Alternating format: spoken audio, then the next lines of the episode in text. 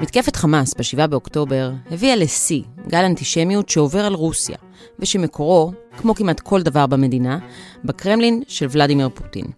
Говорится о том, что вот в отношении сектора газа могут быть предприняты меры военного и невоенного характера такого же плана, как и во время блокады Ленинграда.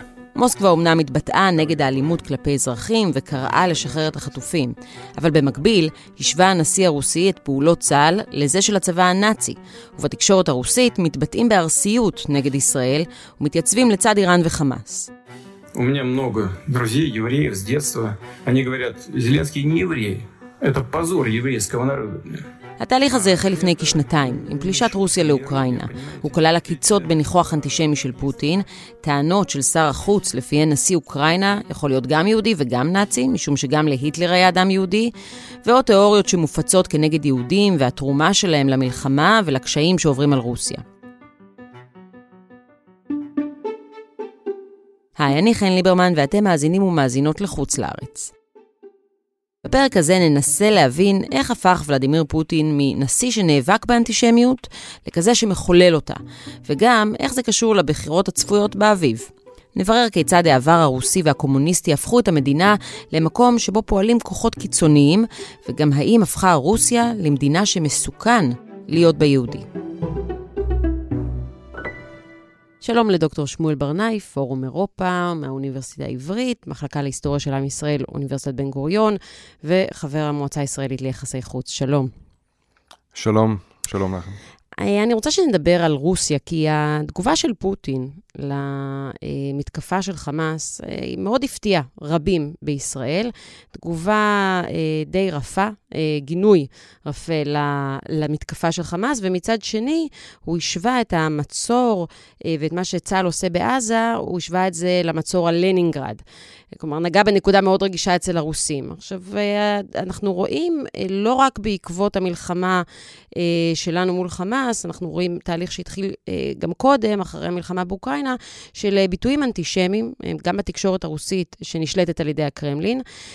ולמה זה כל כך מפתיע כאן אצלנו בישראל? גם בגלל שישראל מאוד התעקשה להישאר על הגדר בכל הנוגע לאוקראינה, כדי לא להסתכסך יותר מדי עם פוטין. גם בגלל הפוסטרים של ביבי ופוטין, ליגה אחרת, אבל מהר מאוד במערכה הזאת, פוטין כבר הבהיר באיזה צד הוא נמצא. אז אני ארצה שאנחנו נדבר היום בעיקר על ההיסטוריה של רוסיה והיהודים והאנטישמיות ברוסיה, אבל לפני שניגע בזה, קצת על איך רוסיה רואה את הקונפליקט הנוכחי, את ההזדמנויות אולי שיש לה בקונפליקט הנוכחי הזה, ואיך אתה מסביר באמת את ההתייצבות שלה בצד של חמאס. אז נתחיל מזה שרוסיה רואה את, ה... את ה... מה שקורה פה אצלנו בימים האחרונים כעוד הזדמנות לעימות, אולי לא ישיר, אבל עימות עם ארצות הברית.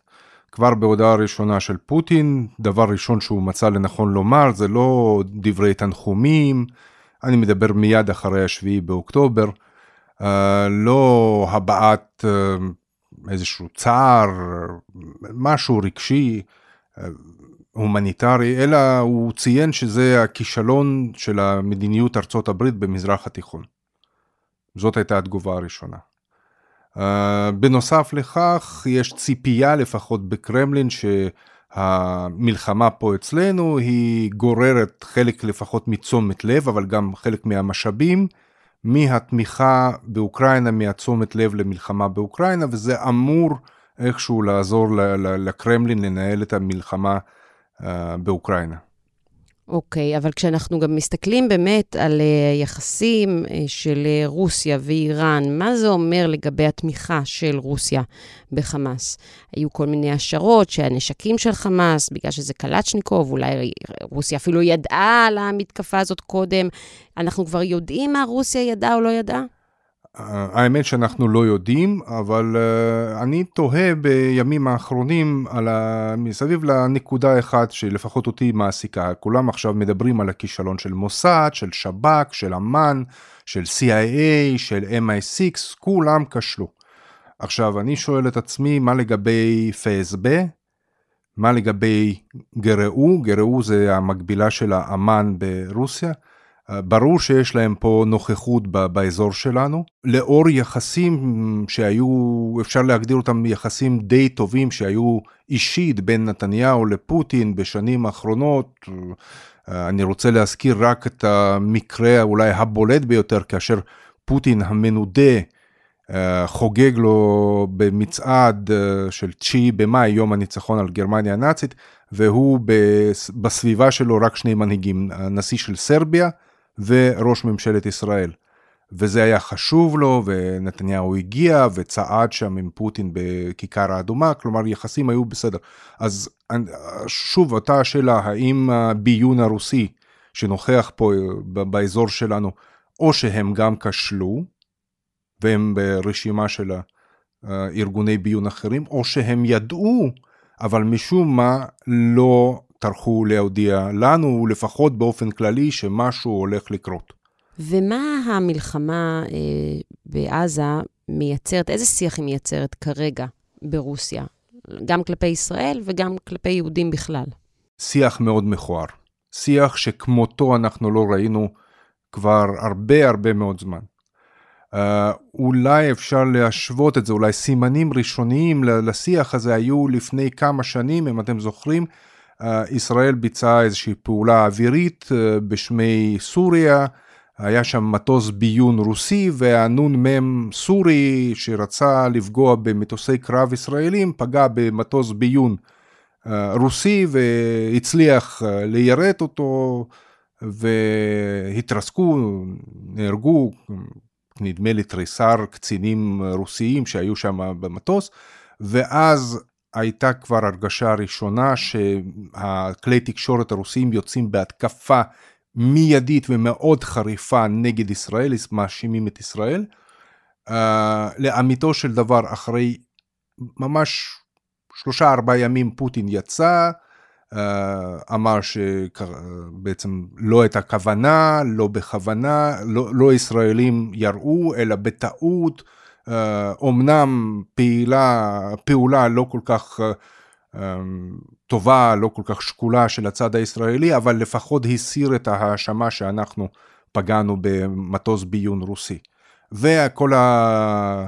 מה שנקרא הראשים המדברים של קרמלין, מעין עיתונאים מטעם של השלטון, וכולם שם עכשיו מטעם של השלטון, התקשורת נשלטת באופן מלא, הם מיד הורידו פרופיל.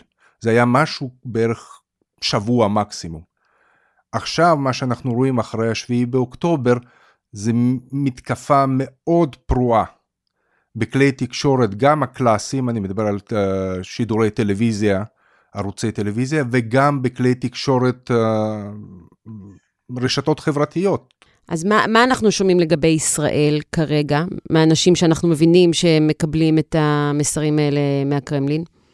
אנחנו שומעים ברמה שונה אה, סימפתיה כלפי חמאס, גלויה, לא, ב, לא בסתר, אלא פשוט סימפתיה כלפי חמאס, לאור כל מה שאנחנו עכשיו יודעים על מה שקרה בקיבוצים ומושבים בעוטף עזה, עדיין. ותגובות של הדוברי קרמלין למיניהם, כן, אותם הראשים המדברים, הם, ראיתי למשל תגובות, חבל שאני עכשיו לא באזור, הייתי מצטרף ללוחמי חמאס, מה אנחנו יכולים לעשות כדי לעזור לחמאס, איזה פעולה נועזה של לוחמי חירות והחופש של חמאס. ו... ושוב, אנחנו לא מדברים. על טוקבקים, אתה אומר אנשים רציניים שיושבים באולפנים, וזה הדברים שהם אומרים? כן, כן, כן. כן, זה מצבים מה שהם אומרים, למשל, ב, אם אנחנו מדברים על מסכי טלוויזיה, באחד התוכניות המפורסמות, פופולריות, אה, בפריים טיים, אחד הדוברים מדבר על זה ש... מה יש לנו להסתיר? אני בערך מצטט מאוד קרוב למקור, מה יש לנו להסתיר? בוא נאמר את האמת. אה, איראנים וחמאס הם השותפים שלנו, וישראל היא במחנה של ארצות הברית, אז מה הבעיה? בסדר, מה יש? Но то, что аргумент он выдвигает, э, как, как, какая может быть у нас нацификация, когда я еврей, я, если правильно помню, боюсь ошибиться, но, по-моему, у Гитлера тоже была еврейская кровь. זה, זה באמת מאוד מפתיע אותי לשמוע את זה, כי זה נשמע, מה שנקרא, out of nowhere. כלומר, לא ידעתי בכלל שזה השיח ברוסיה. שאלה אם זה שיח שפתאום התפוצץ, או שכן ראינו איזושהי הדרגתיות בדבר הזה. כלומר, מאיפה זה מגיע פתאום? והאם זה מגיע פתאום, או שפשוט לא שמנו לב?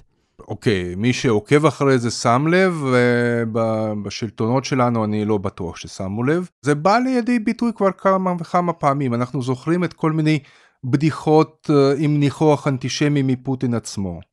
אנחנו זוכרים את האמירה של שר החוץ של רוסיה, לברוב, על זה שטוב, מה אתם אומרים שזלנסקי, נשיא של אוקראינה, הוא יהודי, אז מה, אז גם להיטלר היה דם יהודי. הוא לא, לא התכוון דם על הידיים, הוא לא התכוון... אבל זה אמירות מהשנה האחרונה. פחות או יותר, כן, משנה, שנתיים האחרונות. דוברת משרד החוץ, גברת מריה זוכרובה, לא פעם התבטאה בחריפות דווקא כלפי ישראל. אה, והיו עוד מיני, אם אנחנו לוקחים קצת יותר עמוק, אז בן אדם שהוא סגן יושב ראש הדומה הממלכתית, הבית התחתון, כלומר הפרלמנט, בן אדם בשם פטר טולסטוי, אה, עוד לפני כמה שנים בגלוי האשים את היהודים בזה שהם אה, ב-1917, בזמן המהפכה, פרצו מתוך גבול, תחום המושב אה, ברוסיה ועסקו בהרס כנסיות ומנזרים. מה נעשה לו? הבהירו לו שהוא הגזים, הוא התנצל שם בפני הרבנים במקום, ובזה הסיפור נגמר, הוא נשאר בתפקיד ולא לא נפגע מזה. אבל עדיין, אבל תראה, אנחנו מבינים, עכשיו אנחנו רואים את כל הדיונים ועל כך שהם בכלל תומכים בחמאס, אה, וזה אחרי ה-7 באוקטובר. אבל כמו שאתה אומר, מי שעוקב רואה שזה לא משהו מהימים האחרונים רק, זה כן נעשה בהדרגתיות, אבל בכל זאת אפשר אולי לתחם את זה לשנתיים האחרונות, כשמה קרה בשנתיים האחרונות? אוקראינה. נכון. אז, אז תסביר לנו גורם... איך אוקראינה, איך המלחמה באוקראינה, אולי החלשות של פוטין בעקבות המלחמה באוקראינה, ההחלשות הפוליטית שלו, אה, מביאה לכך שיש יותר התבטאויות אנטישמיות. Uh, המלחמה באוקראינה, אולי באופן פרדוקסלי, הביאה להיחלשותו של המשטר של פוטין ושל פוטין עצמו. ובואו נאמר ככה, רוסיה השקיעה מאמץ רב כדי לשמור את ישראל במרחק מהמלחמה באוקראינה, בעיקר מה שקשור לאספקה של נשק ונשק מתוחכם, מתקדם, הם עשו, אפשר לומר, שמיניות באוויר, כדי שישראל לא תהיה שותפה מלאה בקואליציה פרו-אוקראינית. אמנם ישראל מדי פעם משתתפת במפגשים ברמשטיין, אבל אנחנו לא מספקים, להבדיל בריטניה, ארה"ב, צרפת, גרמניה, לא, לא מספקים להם נשק אה, מתקדם. Uh, הסתפקנו בעיקר באספקה הומניטרית uh, שונה. Uh, עכשיו, באופן לוגי, הגיוני, uh, רוסים היו צריכים להיות מאוד uh, סימפטיים כלפינו על זה. אבל, אבל זה לא, זה, זה מה שלא קורה. Uh, אני מייחס את זה לאופי ה... של הרס עצמי של המשטר הזה, יש משהו טמון בתוכו שהוא גורם להרס עצמי, כלומר אה, באופן לוגי, הגיוני, לא היה צריך לפתוח במלחמה נגד אוקראינה, זה רק נזק. מדינה שבסך הכל לא הייתה אנטי רוסית ואנטי פוטין והרבה אנשים באוכלוסייה אפילו היו, הייתה להם סימפתיה, קשרי משפחה, עכשיו המצב שונה לגמרי. אנחנו ראינו לפני לא מזמן איך פוטין איבד את ארמניה. בגלל הנושא של נגורנו קרבאח, הוא פשוט uh, העלים את העין ואזרבייג'אן, הנשיא עליב השלים את המלאכה ובעצם, סליחה על הביטוי, אבל אכל את נגורנו קרבאח במלואו בלי שום הבטחות לארמנים, פשוט השלים את הפעולה. אז אתה אומר, אין לי מה לחפש, אין לנו מה לחפש היגיון באסטרטגיה, אם אפשר לקרוא לזה אסטרטגיה אנטישמית. כרגע של פוטין. כלומר, זה לא, זה, זה לא איזושהי טקטיקה שהוא עושה בכוונה, כי יש לו איזושהי תוכנית זדונית אה, שאנחנו לא מבינים, אלא, אלא פשוט הרס עצמי.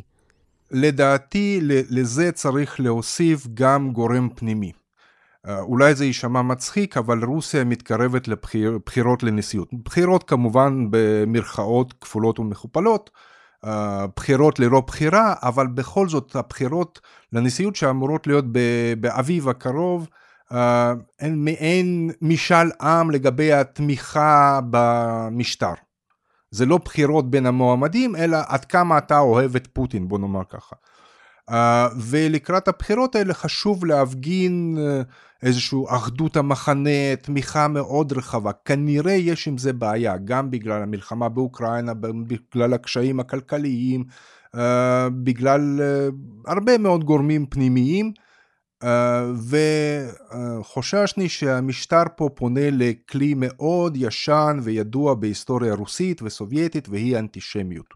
כלומר כדי לגייס תמיכה של השוליים שבשוליים, של האנטישמיות השורשית הרווחת, קיימת תמיד, אז uh, אם פעם אמרו שזה לא נחוץ, יש לנו תמיכה רחבה, אז uh, החוגים האלה של העשבים השוטים האלה הם לא כל כך נחוצים, אפשר לזלזל בהם.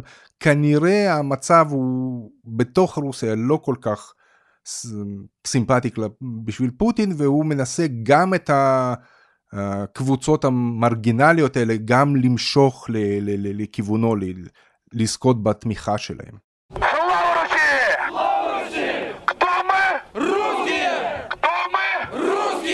אז באמת זה הזמן שננסה להבין, כלומר, הכלי הזה של אה, לשחרר את השד האנטישמי, להבין את ההיסטוריה שלו ברוסיה ואיך הוא פועל. אז, אז קודם כל בואו נדבר באמת על התקופה של פוטין, כי פוטין דווקא נחשב למישהו, ש... למנהיג שפעל נגד אנטישמיות, למי שגדל בחברת יהודים, שאוהב יהודים, שהרבה מהאוליגרים שלו היו יהודים, אז, אז איך הוא מתהפך, אבל לפני זה בואו נדבר באמת על פוטין ויחסו ליהודים, לא מהתקופה האחרונה.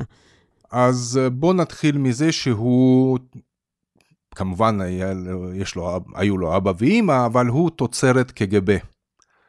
הוא פרודוקט של המערכת הביון הסובייטית, שנות ה-70, 80, והאנטישמיות בחוגים האלה חגגה, פשוט הייתה בעצם מרכיב חובה שהם טיפחו את זה, הם התגאו בכך, פוטין אפשר לומר היה די נדיר בשנות התשעים, בתחילת שנות האלפיים, למרות שהוא יצא, אם אפשר לומר יצא משורות קג"ב, הוא לא הפגין אנטישמיות כמו שאמרת, הוא לא הפגין אנטישמיות בוטה, ברורה, uh, להפך, הוא ביקר בארץ, הוא דיבר על זה שהוא גדל והיו לו כאילו חברים, שכנים יהודים, הוא uh, כרת ברית עם חב"ד. הוא הזכיר את המורה הגרמנית שלו, שהייתה יהודייה, ובזכותה הוא הפך במידה מסוימת, כן, mm. כן, למרגל ופעל במה שנקרא אז DDR, מזרח גרמניה, כלומר היא לימדה אותו גרמנית בית ספר.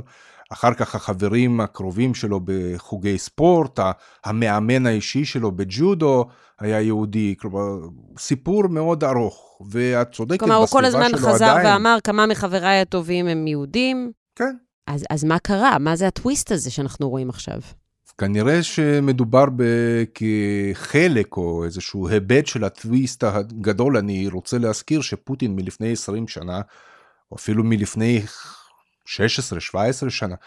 אה, זה היה פוטין שדיבר על אה, אירופה מאוחדת מפורטוגל עד ולדיווסטוק, אה, על השיתוף פעולה הרחב, על האופציה של רוסיה להצטרף לברית נאט"ו, על הורדת המחסומים ושיפור ב- ביחסים, על הביקורים של קבוצות גדולות, נניח לאפשר נון ויזה סטטוס נניח לסטודנטים ולצעירים משני הצדדים מאירופה ומרוסיה לבקר אה, פוטין שמדבר על הטכנולוגיות חדשות שאמורות להגיע ממערב, על שיתוף פעולה רחב כלכלי, על רוסיה כגשר בין מזרח ומערב, בין סין, בין הודו לאירופה. איפה אותו פוטין נעלם בעצם, כן, בהדרגה, אבל הוא נעלם ואנחנו רואים פוטין אחר פוטין תוקפן, פוטין אה, כובש, פוטין מספח. אז בעצם מה שאתה אומר זה שהאנטישמיות עכשיו, הביטויים האנטישמיים שאנחנו רואים, זה פשוט עוד חלק מהצד האפל של פוטין, שכבר די נחשף במלואו, אבל, אבל זה עוד אקסטרה אה, שמצטרף אה, לצד הזה של פוטין. וזה נופל על קרקע פורייה. כלומר, כי בסוף אתה אומר, יש חוגים אנטישמיים, גם אם הם בשוליים, אבל יש חוגים אנטישמיים שפוטין אולי מקווה להביא תמיכה משם אה, דרך פנייה לצד האנטישמי הזה. אז בואו נבין באמת מה, כמה פוריה הקרקע האנטישמית ברוסיה, אם נסתכל רגע על התקופה שלפני פוטין, על תקופת ילצין, אחרי נפילת ברית המועצות.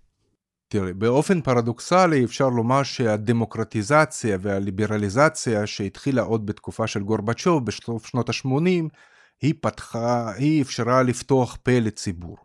עכשיו, כשפותחים פה, ראו, הוזהרתם, משם יכול לצאת, יכולים לצאת הרבה דברים. כן. אז חלק מהאנשים דיברו באמת על הליברליזם, על הפתיחות, על החזרה לעולם הגדול, על הצורך להרוס את, חומ, את חומת ברלין, את מסך הברזל ולהתאחד עם עמי אירופה, והיה פלג אחר לגמרי שדיבר על רוסיה הנצחית בת אלף שנה, על האורתודוקסיה, הפרבוסלביות, על השורשים הבריאים שלנו שהורעלו על ידי כל מיני אידיאולוגיות מערביות, ומהסוכנים של אותם האידיאולוגיות המרעילות הם היהודים, כן, כמובן, באופן קלאסי. הז'ידים. הז'ידים, כמובן, והתחילה באמת פריחה של גם עיתונות אנטישמית, ספרות אנטישמית, וכל זה היה בהסוואה של חופש ביטוי. עכשיו מותר. מה אתם רוצים, לחזור לתקופה סובייטית קלאסית שרק דברי לנין ומנהיגים מתפרסמים? עכשיו יש ריבוי דעות. עכשיו, בתקופה של ילצין זה נמשך. וכמה זה רווח, הדעות האלה? Uh, היו תקופות שזה רווח, רווח מאוד, במיוחד בתחילת שנות ה-90 זה היה מאוד מאוד פופולרי. למה? על רקע של קריסה של ברית המועצות, והטרגדיה, אפשר לומר, כן, טרגדיה גדולה של מיליונים, שאיבדו איבדו גם אה, מבחינה פיננסית, כלכלית, אה, איבדו מעמד, איבדו אפילו צופן בחיים. ועכשיו מי שנותן להם מענה, איזשהו הסבר לכל הבעיות שלהם, זה החוגים אינטלקטואליים אגב, מהימין הקיצוני, הם מסבירים את זה הכל כמזימה של מערב ושל, כמו שאמרת, של ז'ידים, של הסוכנים הליברליים שחדרו לתוך השלטון ברוסיה. אנחנו ראינו התפרצויות של הימין הקיצוני הפשיסטי של ממש נאצים, נניח לדוגמה ב-1993, באוקטובר, כאשר היה פוטש במוסקבה נגד ילצין כבר, זה פדרציה רוסית, כבר ברית המועצות לא קיימת, אז מי שהיה הכוח המוביל של המהומות האלה במרכז מוסקבה וניסיון הפיכה, היו מה שנקרא אז ברית, ברית של חום ואדום, כלומר קומוניסטים סטליניסטים, יחד עם ניאו-נאצים ופשיסטים למיניהם, ביחד, כתף אל כתף מול השלטונות. וזה נמשך לאורך התקופה, תלוי אגב גם, אה, היה מאוד תלוי במצב הכלכלי במדינה, כמובן, אה, למשל אה, הנפילה הגדולה, המשבר הכלכלי הגדול ב-1998 גרם להתחזקות של הנטיות האלה. אגב, הוא גם הביא את פוטין לשלטון במידה. זהו, רציתי לשאול אם בעצם גילויי האנטישמיות האלה, אחת הסיבות שהן דעכו, זה דווקא בגלל עלייתו של פוטין, אותו פוטין עכשיו שאנחנו מדברים עליו כמי שמחיה את האנטישמיות ברוסיה. אה, במידה רבה כן, אה, רוסיה לא מתפקדת לפי החוקים, היא מתפקדת לפי רמיזות, וזה לא המציא פוטין, זה גם לפניו. Mm-hmm. אם הביג בוס מעביר רמז מסוים, אז אה, בדרגים הנמוכים יותר יודעים היטב לקלוט אותו ולפעול לפי זה. אם מחר פוטין יצא לעולם אה, לאיזשהו רעיון עם כיפה על הראש, תאמיני לי, בעוד שעתיים כל המושלים והשרים בממשלה גם ישימו כיפה על הראש. מה היה היחס של ילצין לגילוי אנטישמיות בתקופתו?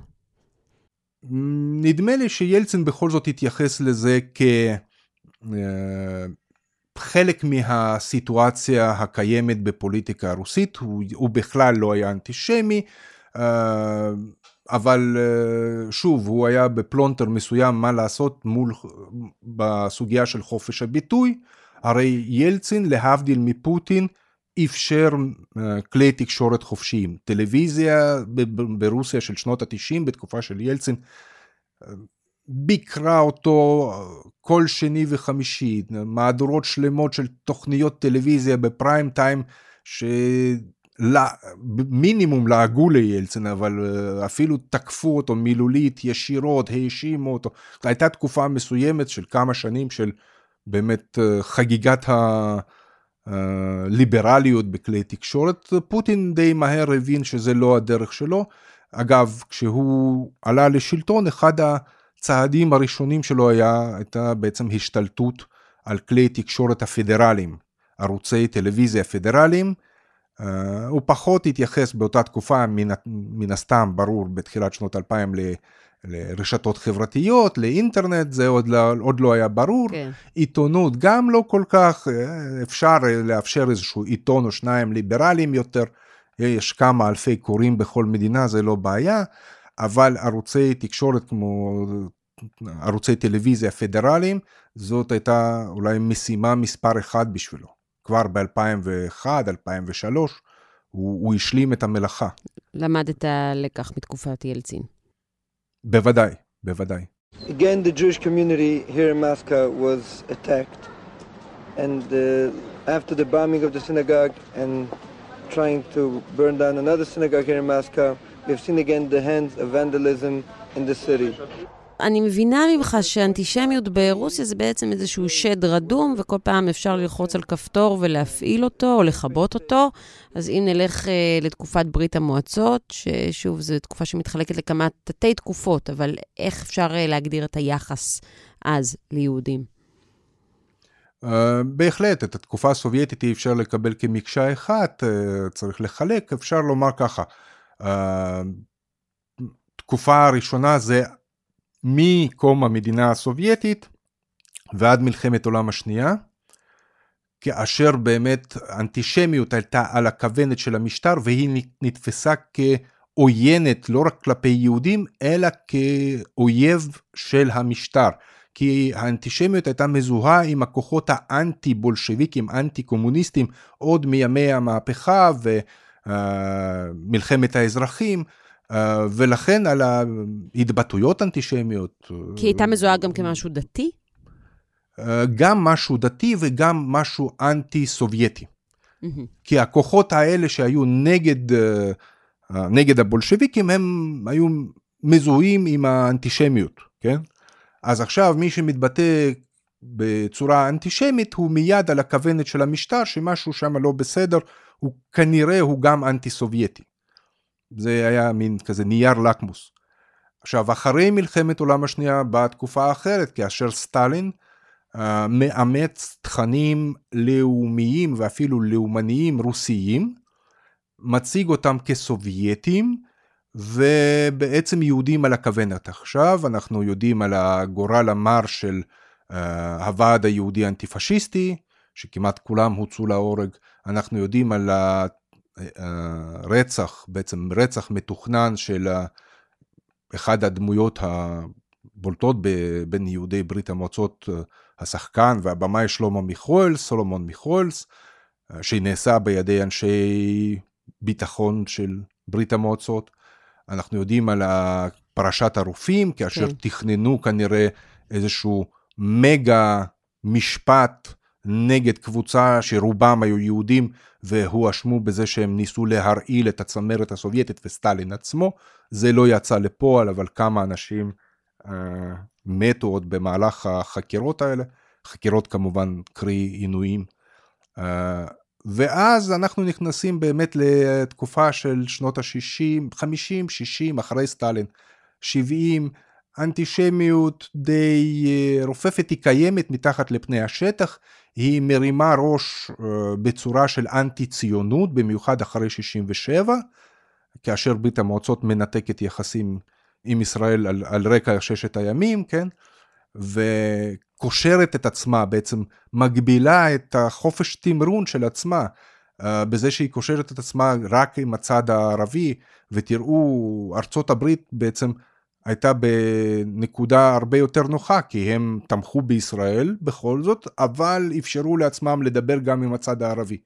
הסובייטים ניתקו את עצמם מהצד הישראלי, אה, ובעצם ככה זה נמשך עד, אה, עד המחצית השנייה של שנות ה-80, כאשר בתקופה של גורבצ'וב ופייסטרויקה התחילו קצת שינויים, מגעים, פתיחת משרד האינטרסים. אבל הניתוק הזה אחרי ששת הימים, זה ניתוק שאתה אומר מבוסס על אנטי-ציונות, אבל האם אתה טוען שהאנטי-ציונות ברוסיה היא גם אנטישמיות?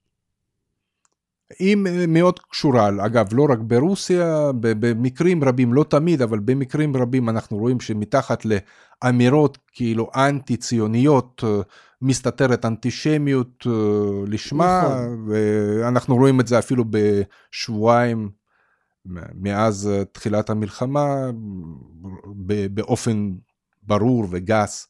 אה, נכון, רואים את זה בכל כן. העולם, אבל השאלה היא איך ברוסיה האנטישמיות לובשת כל פעם צורות חדשות, אבל מהי הצורה היותר בסיסית שעליה הכל מבוסס?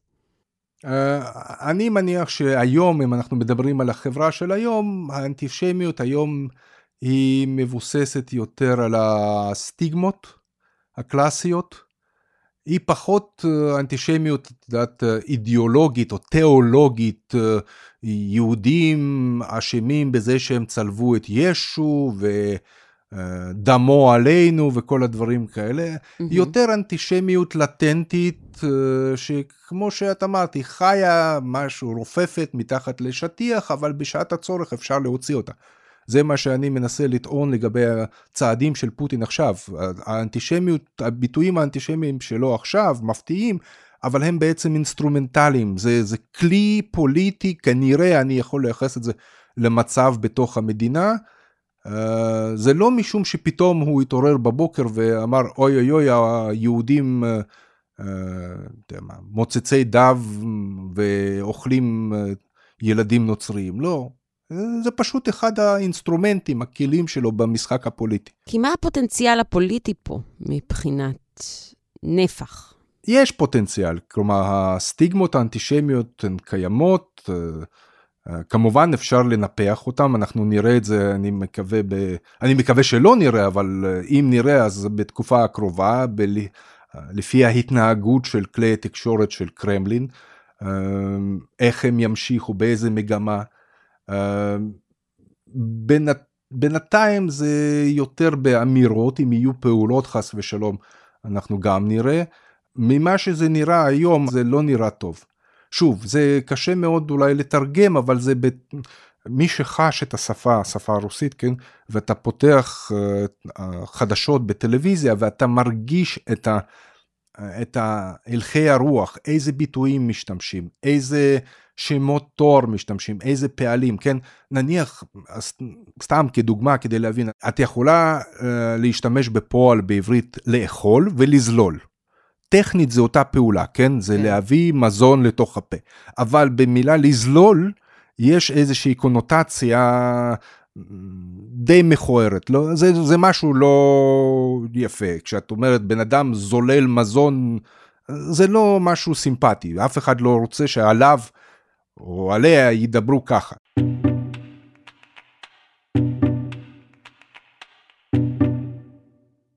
אם בא לכם להעמיק עוד במתרחש בשוליים הקיצוניים של רוסיה, אנחנו מזמינים אתכם להאזין לפרק 95 של חוץ לארץ, שבו דיברנו עם דוקטור יעקב פלקוב על תנועת הפטריוטים הזועמים, שמושרשת במנגנוני הביטחון הרוסיים ומאיימת לקחת את רוסיה למקומות אפלים במיוחד.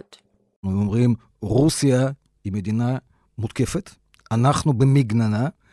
החוסר ההצלחה שלנו באוקראינה נובע משני דברים. פעם אחת מזה שאנחנו מתמודדים בעצם עם כל המערב, אבל מעבר לזה, אנחנו גם מפסידים שם, או לפחות איננו יכולים לנצח, משום שהמשטר עצמו, לפחות המערכת הביטחונית, ומי שעומדים היום בראשה, הם אינם מתאימים לתפקיד הזה. הם אידיוטים, כפי שגירקין לא פעם ולא פעמיים כבר קרא להם, הם מושחתים. והם דורשים, שוב, לשנס מותניים, להפוך את רוסיה לדיקטטורה צבאית, ואז, אז באמת, שוב, לרכז כוחות נוספים בחזית, ולעשות מה שצריך לעשות באוקראינה, בזירה הבלטית וכן הלאה, והם איימו גם על פולין ועל מדינות נוספות. כלומר, מבחינתם, באמת הם מאוד מאוד אה, ביקורתיים ביחס למשטר. מבחינת uh, תפיסה שלנו את רוסיה, כשאנחנו מסתכלים על מדינות וחברות אנטישמיות, uh, למרות כל מה שסיפרת עכשיו על האנטישמיות שהייתה קיימת גם לאורך המאה ה-20, ושכל הזמן עלתה וירדה, כן. uh, גם uh, בתקופת סטלין, uh, רוסיה לא נתפסת כמדינה ש... Uh, מדינה אנטישמית במיוחד. אוקראינה, פולין, קיבלו את הסטיגמה הזאת, רוסיה פחות. אולי זה בגלל חלוקת הכוחות במלחמת העולם השנייה. המילה הנפוצה שאנחנו, אפילו לא דוברי רוסית, שאנחנו יודעים ברוסית, זה היא פוגרום. Mm-hmm. היא לא באה לא מפינית ולא מספרדית ולא מארמנית או משהו, זו מילה רוסית, פוגרום. כך שרוסיה לא התחמקה מזה. רוסיה מנסה, דווקא אם אנחנו מדברים עכשיו שוב על התקופה של פוטין, לגלגל את כל האשמה, גם מה שקרה בתקופה האימפריאלית וגם מה שקרה במלחמת עולם השנייה. בתקופת השואה. היא מנסה לגלגל את זה אפילו לא לגרמניה הנאצית למשל, אלא דווקא לעמים שלה שפעם היו בפריפריה המערבית של האימפריה הרוסית או סובייטית. היא עשתה את זה עכשיו לי... עם הפלישה לאוקראינה. בדיוק. ותלוי בנסיבות התקופה, היו תקופות כאשר אה, הדגישו את השיתוף פעולה נניח של פולנים, של ליטאים, עכשיו זה מאוד אקטואלי עם האוקראינים, וחס ושלום אני לא טוען שלא היו משתפי פעולה עם הנאצים למשל, אבל יש הכללה ויש ניצול ציני של הפרופוגנדה של קרמלין, של הנושא של השואה, הם פשוט אה, מנצלים אה, הנושא של השואה לצרכים פוליטיים עכשוויים כדי להאשים כל אחד, תלוי שוב בסיטואציה הקונקרטית כאן ועכשיו, עם מי יש להם סכסוך, אז מיד מוציאים את ה... מסמנים את הלאום הזה בכללותו כאנטישמי.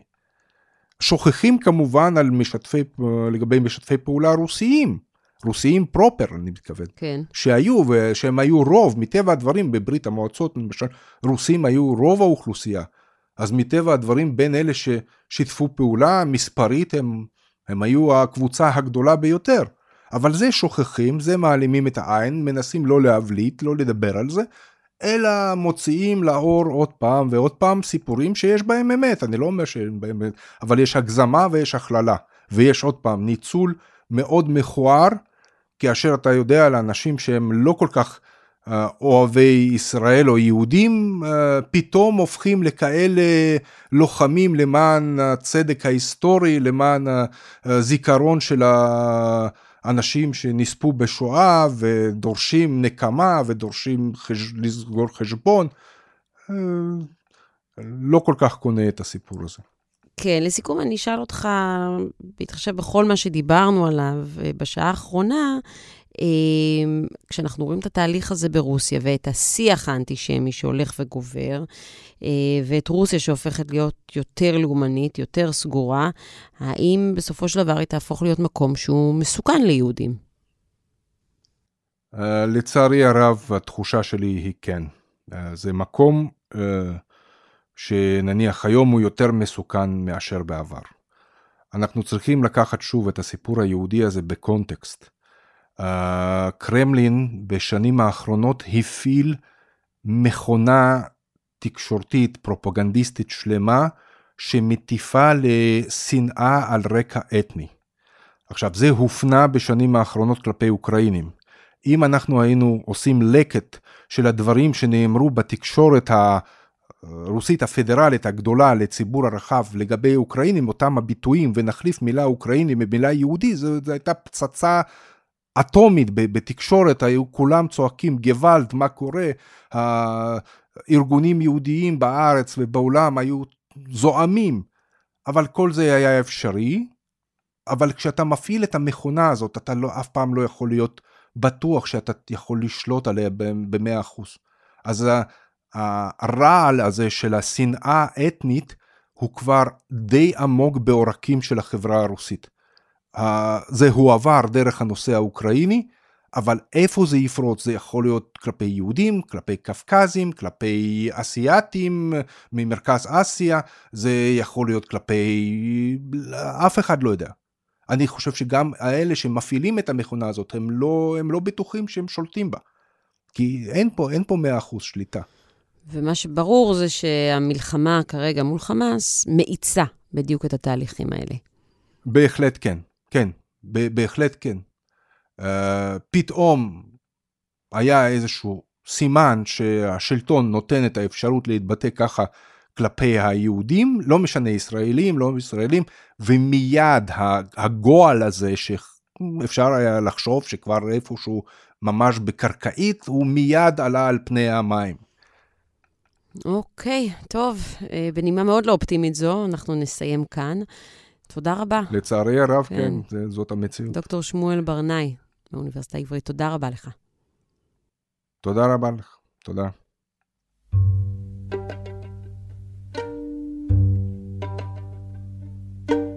עד כאן הפרק הזה של חוץ לארץ. אתם יכולים למצוא אותנו באתר ובאפליקציה של הארץ, ובכל מקום שבו אתם מאזינים לפודקאסטים, אם זה באפל או בספוטיפיי, אתם גם מוזמנים לדרג אותנו, כי זה עוזר לנו להגיע לעוד אנשים. תודה רבה לאסף פרידמן, אמיר פקטור, אברי רוזנצבי ורועי סמיוני. אני חן ליברמן, ואנחנו נשתמע בשבוע הבא.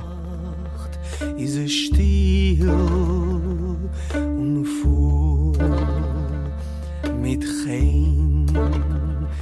die Sternfinkeln groß und klein. Der Weg weißt du von mir